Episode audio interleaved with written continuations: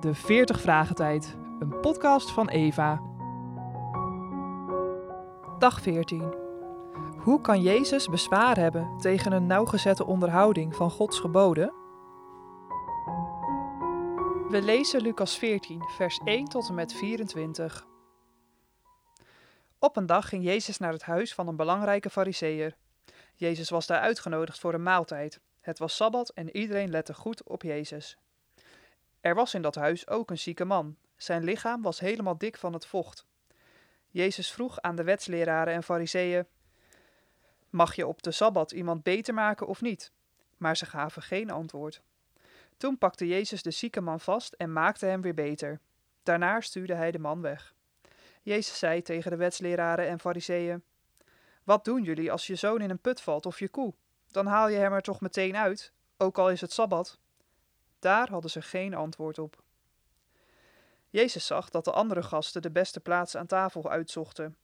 Daarom gaf hij hun dit voorbeeld: Als je uitgenodigd wordt voor een feestelijke maaltijd, ga dan niet op de beste plaats zitten, want er kan een gast komen die belangrijker is dan jij. En als jij dan op de belangrijkste plaats zit, komt de man die het feest geeft naar jou toe, en hij zal zeggen: Je moet opstaan voor mijn andere gast. Dan moet jij op de slechtste plaats gaan zitten en lacht iedereen je uit.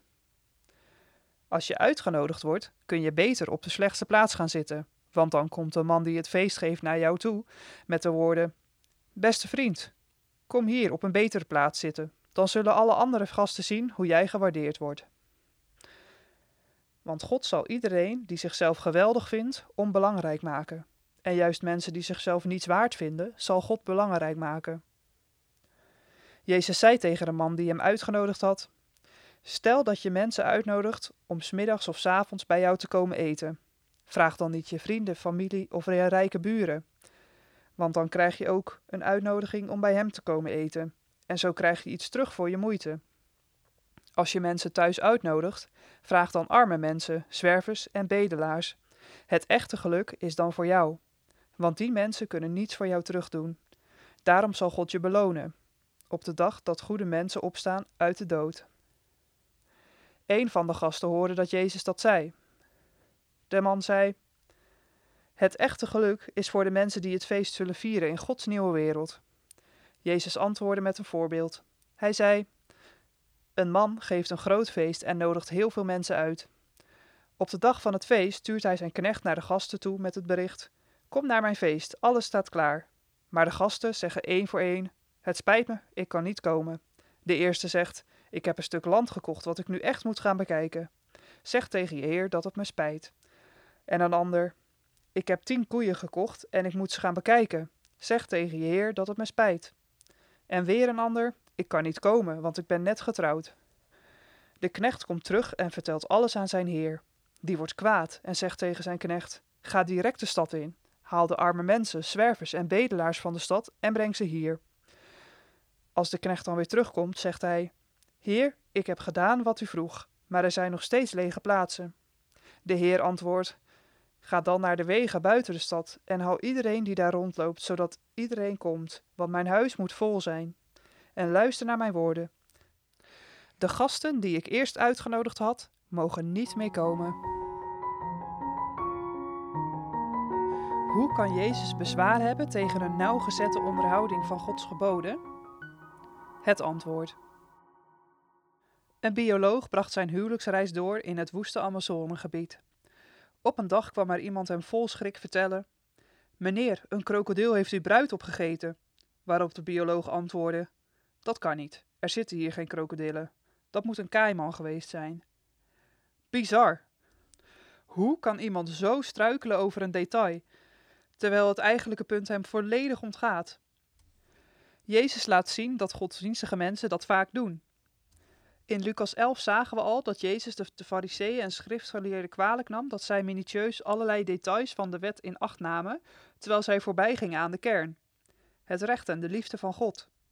Zo is het ook in dit Bijbelgedeelte. Welke sabbatsvierder zou nou zijn os of ezel, als die op de sabbat in een put gevallen is, daar niet meteen uithalen? Maar waarom zouden zij het Jezus kwalijk nemen dat hij op de sabbat een mens genas? In Lucas 13, vers 14 zei de overste van de synagoge tegen de mensen: Er zijn zes dagen waarop men moet werken. Kom dan daarop en laat u genezen.